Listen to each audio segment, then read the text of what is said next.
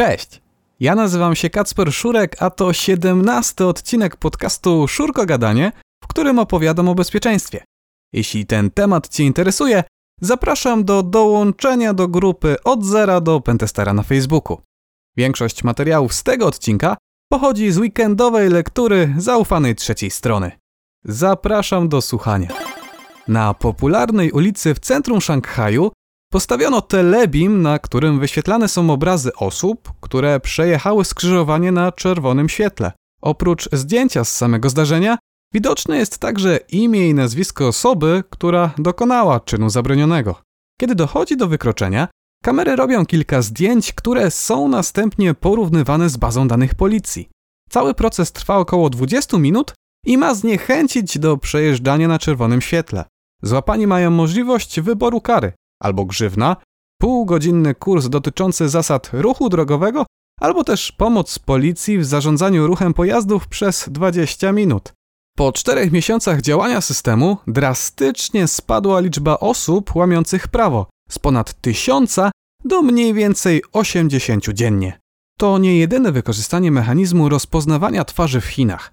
Planowane jest użycie tego systemu podczas międzynarodowego maratonu. Ma on wyłapywać zawodników próbujących oszukiwać na trasie. Rozpoznawanie twarzy pomaga również podczas odpraw pasażerów na lotniskach oraz w czasie rejestracji pacjentów do szpitali. Nic więc dziwnego, że mieszkańcy Chin mogą czuć się obserwowani. Ich każdy ruch śledzi ponad 170 milionów kamer. Każdy kij ma dwa końce. Z jednej strony taki monitoring może wpłynąć korzystnie na bezpieczeństwo, z drugiej jednak osoby posiadające dostęp do tego źródła wiedzy są w stanie przewidzieć praktycznie każdy ruch dowolnej osoby w kraju. Liczby robią wrażenie. Firma technologiczna IntelliFusion chwali się, że ich algorytm może porównywać obraz z bazą 10 miliardów twarzy w nieco ponad 2 sekundy. Ciekawe, jak często ten system się myli i czy działa bez względu na okulary i zarost na twarzy. Ile warte są Twoje dane osobowe? Niektórzy wyceniają je na jedną kawę. W japońskiej sieci kawiarni studenci po okazaniu legitymacji studenckiej, a także podaniu imienia, numeru telefonu, adresu e-mail, daty urodzenia, zainteresowań, a także miejsc, w których wcześniej odbywali staże naukowe, otrzymują darmową kawę. Równocześnie godzą się na otrzymywanie reklam sponsorów, którzy opłacili ich ciepły trunek. W teorii ma to być zatem idealne miejsce dla dużych korporacji, które poszukują nowych pracowników i chcą się efektywnie reklamować. Firma planuje rozszerzenie swojej działalności na miejsca obok najlepszych uniwersytetów na świecie, takich jak Harvard, Yale czy też Princeton. Pytanie, czy i tam ludzie będą tak chętnie rozdawać swoje dane? Dodatkowo kawiarnia zachęca studentów do skorzystania z darmowej sieci Wi-Fi. Oczywiście, kawiarnia planuje udostępniać zebrane dane podmiotom trzecim w sposób mający zapewnić anonimowość. Nadal jednak pozostaje pytanie, dlaczego zbierają tak wiele informacji. Ta metoda to nic nowego. Często na różnego rodzaju konferencjach branżowych możemy zauważyć, jak ludzie za koszulkę czy też darmowy kubek są w stanie poświęcić czas na wypełnianie różnego rodzaju ankiet i udzielanie zgód marketingowych. A ty na ile wyceniasz swoją prywatność? Czy zdarzyło ci się, że po odinstalowaniu jakiejś aplikacji na telefonie komórkowym nagle zaczęły ci się pojawiać jej reklamy na serwisach internetowych? Większość z nas sądzi, że w momencie odinstalowania aplikacji nasza współpraca z nią jest zakończona, ale w praktyce działa to nieco inaczej. Wiele firm stosuje różne mechanizmy, które monitorują proces deinstalacji. Chodzi o to, aby wiedzieć, dlaczego ktoś zrezygnował z używania danego oprogramowania. Już od dłuższego czasu programiści są połączeni z naszym telefonem przy pomocy tzw. Tak powiadomień push. Mechanizm ten pozwala na wysłanie danych do telefonu w czasie rzeczywistym bez powiadamiania użytkownika. Na pewno znacie ten mechanizm. Otrzymujecie wiadomość e-mail i od razu na naszym telefonie wyświetla się jego treść, a obok ikonki programu pocztowego zwiększa się licznik nieodebranych wiadomości. I to właśnie ten mechanizm jest nadużywany do śledzenia użytkownika bez jego faktycznej wiedzy. Jeśli powiem firma, co jakiś czas wysyła na nasz telefon jakieś informacje, na które telefon odpowiada, a w pewnym momencie przestaje, może to oznaczać jedną z dwóch rzeczy. Albo telefon został wyłączony, albo też użytkownik odinstalował aplikację. Teraz można więc użyć jego identyfikatora i stworzyć specjalną reklamę, która zachęci do reinstalacji. Oczywiście firmy nie powinny używać tego mechanizmu w taki sposób, ale równie ciężko będzie im udowodnić, że właśnie tak robią. Pytanie, co na to Apple oraz Google? Dalej pozostajemy w temacie telefonów komórkowych. Jak okraść firmy reklamowe na miliony dolarów? Google Play to ogromny sklep z aplikacjami i grami na telefony, którego wielkość może przytłoczyć każdego. Oprócz pozycji płatnych, znajdują się tam również darmowe rzeczy, które próbują zarabiać na wyświetlaniu reklam. Użytkownikowi podczas gry co jakiś czas wyskakują drobne reklamy w różnych miejscach aplikacji. Jeżeli zdecyduje się na ich kliknięcie, deweloper zarabia drobną kwotę, którą płaci reklamodawca. Tak to wygląda normalnie, jeżeli nikt nie oszukuje. Jak mówi przysłowie, pierwszy milion należy ukraść.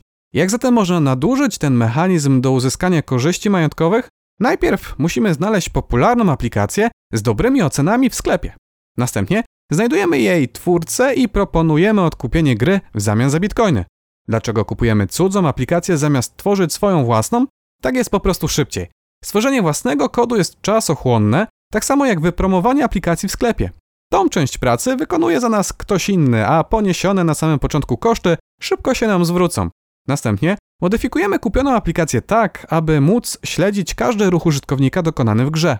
Następnie tworzymy wirtualne środowisko, w którym uruchamiamy naszą nowo kupioną aplikację. Nasz cel jest jasny. Chcemy automatycznie klikać w reklamy, które się tam pojawiają. Ale nie możemy tego robić w prosty sposób. To znaczy uruchamiać aplikację i od razu klikać w reklamę. Takie zachowanie szybko wzbudziłoby podejrzenia.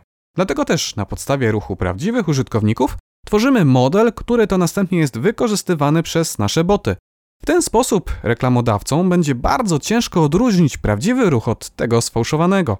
Boty bowiem będą zachowywać się łudząco podobnie do prawdziwego użytkownika. Co więcej, nasz nielegalny ruch będzie mieszany z legalnymi użytkownikami. Jeżeli pomnożymy ten schemat przez kilkanaście lub też kilkadziesiąt aplikacji, nagle okazuje się, że można z tego dość dobrze wyżyć. A tracą jedynie reklamodawcy. Wszak firmy pośredniczące w sprzedaży reklam dostają prowizję również za fałszywe kliknięcia. Jak często korzystasz z darmowych sieci Wi-Fi dostępnych w galeriach handlowych czy też restauracjach fast food? A ile razy rzeczywiście przeczytałeś regulamin, który należy zaakceptować przed rozpoczęciem korzystania z internetu? Czy zrozumiałeś, na co naprawdę wyraziłeś zgodę klikając na przycisk Akceptuję? W Wielkiej Brytanii przeprowadzono eksperyment społeczny mający zwrócić uwagę na to, że ludzie nie czytają regulaminów. Ponad 20 tysięcy osób w przeciągu dwóch tygodni wyraziło zgodę na prace społeczne w zamian za bezpłatny internet. W opisie zgody widniały informacje o czyszczeniu przenośnych toalet na festiwalach, sprzątaniu zwierzęcych odchodów z parków, czy też zdrapywanie gumy do rzucia z ulic. Tylko jedna osoba zauważyła tą ciekawą klauzurę, w zamian za co otrzymała nagrodę. To nie pierwszy raz, gdy ktoś próbuje zawrzeć ciekawe informacje w EULI. Parę lat temu w Londynie, w zamian za dostęp Wi-Fi, osoby zgadzały się na oddanie pierwszego narodzonego dziecka. Znany jest także przypadek firmy, która podczas instalacji swojego oprogramowania w treści regulaminu zawarła informację, w której znajdował się adres e-mail. Pierwsza osoba, która dotrwała do tej treści, mogła zgarnąć nagrodę. Trwało to nieco ponad pół roku. Takie zachowanie nie dziwi, wszak standardowej wielkości regulamin to kilkanaście stron a 4 zapisanych mało zrozumiałym językiem. Ale jak to mówią prawnicy, nieznajomość prawa szkodzi, więc często sami jesteśmy sobie winni. Greykey to narzędzie, jakie było reklamowane jakiś czas temu jako urządzenie, które otwiera niemal każdego iPhone'a. Telefon podpinało się przy pomocy kabla.